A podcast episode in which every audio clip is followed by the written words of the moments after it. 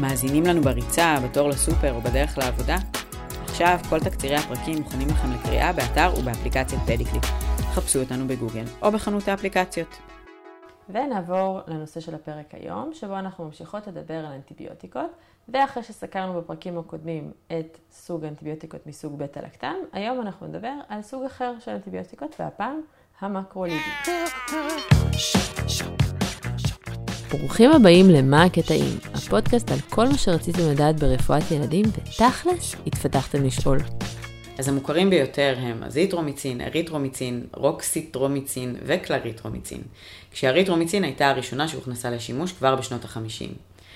התרופות האלה נבדלות ביניהן במבנה הכימי שלהן, זמן מחצית החיים ופרופיל תופעות הלוואי. מבחינת מנגנון הפעולה, אז התרופה פועלת על ידי עיכוב של יחידת ה-50S של הריבוזום, וכך היא מעכבת את יצירת החלבונים בתא של החיידק.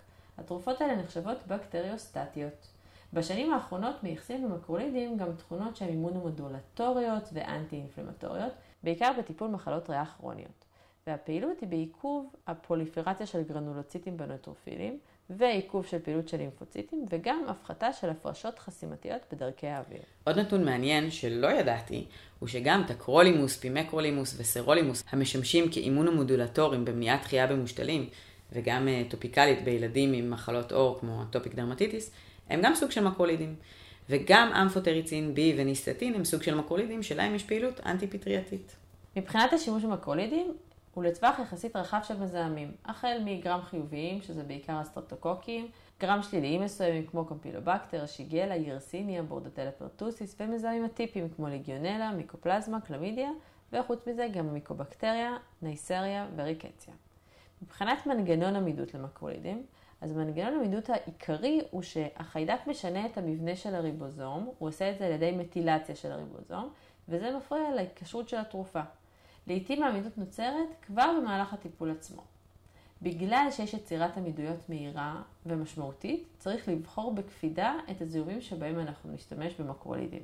אחד היתרונות הגדולים, אבל זה גם חיסרון, בשימוש בתרופות האלה הוא זמן מחצית החיים הארוך של התרופה. מה שמביא לזה שמאוד נוח להשתמש בתרופות האלה, הרבה פעמים זה מנה חד-יומית למשך מספר ימים קצר. אבל התרופה נוכחת בדם למשך זמן רב, מה שמעלה את הסיכוי לפתח עמידויות לתרופה, כמו שאמרנו, לפעמים כבר תוך כדי הטיפול. מבחינת תופעות לוואי, הן כוללות בחילות, הקאות, כאבי בטן.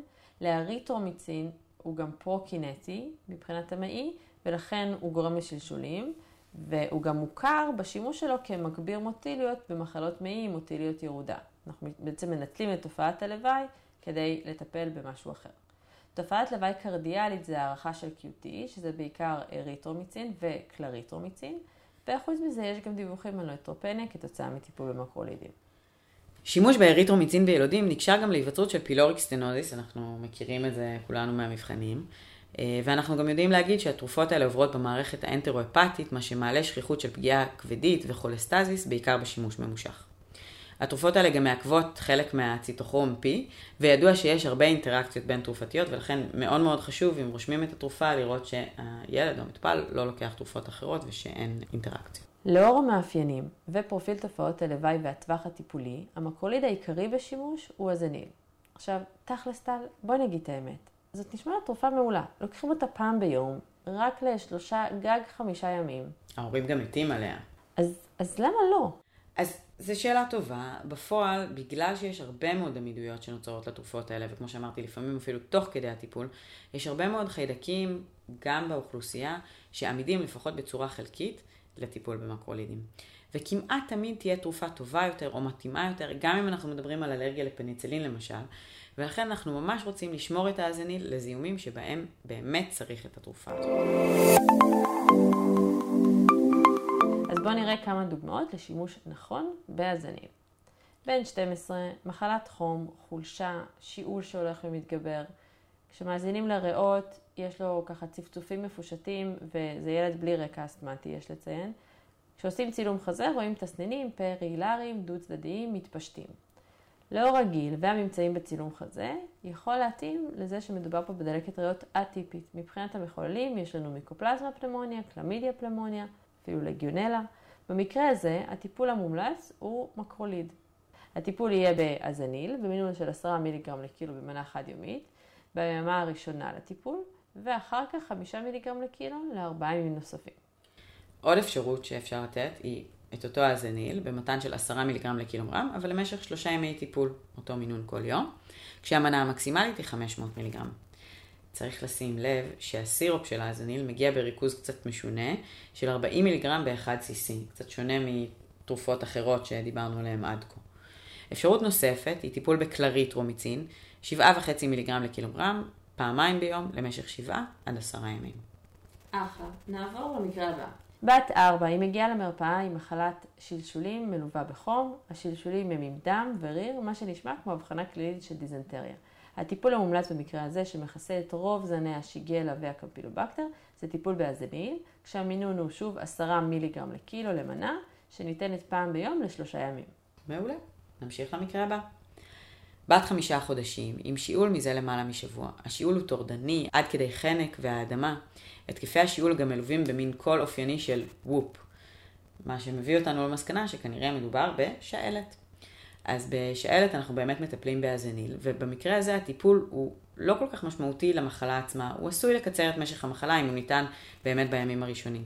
אבל יש לו משמעות גדולה מאוד במניעת המשך ההדבקה בחיידק והפצתו לסביבה. במקרה הזה, מעבר לטיפול באזניל בילדה, אנחנו נמליץ גם על האזניל למגעים הקרובים, בני משפחה, ילדים בגן או במעון, ומגעים קרובים אחרים שהם בסיכון, כמו ילדים קטנים או נשים הרות. הטיפול המניעתי, בדומה לטיפול במחלה, הוא 10 מיליגרם לקילוגרם במנה בודדת ביום למשך חמישה ימים. מקרה הבא, ילד בן שמונה, יש לו מחלת חום, כאבי גרון, אין נזלת, אין שיעול, בבדיקה יש תפליטים, משטח מהיר חיובי עם סטרפ, וכשאנחנו באים לרשום לו אנטיביוטיקה מקבוצת הפניצילינים, האמא מספרת שהוא אלרגי למוקסיפן. אז בשלב הזה מומלץ לעצור ולשאול את ההורים לגבי האלרגיה. אם יצא לכם להאזין לפרק שלנו לגבי אלרגיה לתרופות, אתם כבר יודעים שבחלק גדול מהמקרים זו לא אלרגיה מסכנת חיים, וניתן ככל הנראה לתת ספורל ואין צורך בהזניל. במקרים שיש לנו חשד לאנפילקסיס או אלרגיה מסכנת חיים אחרת, כמו דרס למשל, אז בהחלט יש מקום לתת טיפול בהזניל. וכאמור, הטיפול באמת נוח וקצר יותר, אבל אנחנו צריכים להפעיל שיקול דעת ולראות האם הוא באמת נחוץ, ואם אין חלופה טובה יותר שפחות אה, יוצרת עמידויות. בהחלט. מקרה הבא, בן 17 שנים מגיע למרפאה ומתאר שאחרי קיום יחסי מין לא מוגנים לפני כמה שבועות, עכשיו יש לו הפרשה מאיבר המין מלווה בצריבה. כמובן שאנחנו נשלח תרבית ומשטח מההפרשה, נשלח אותו לבדיקות דם לנוכחות מחלות מין אחרות כמו HIV או HCV ונשוחח איתו על חשיבות של קיום יחסי מין מוגנים.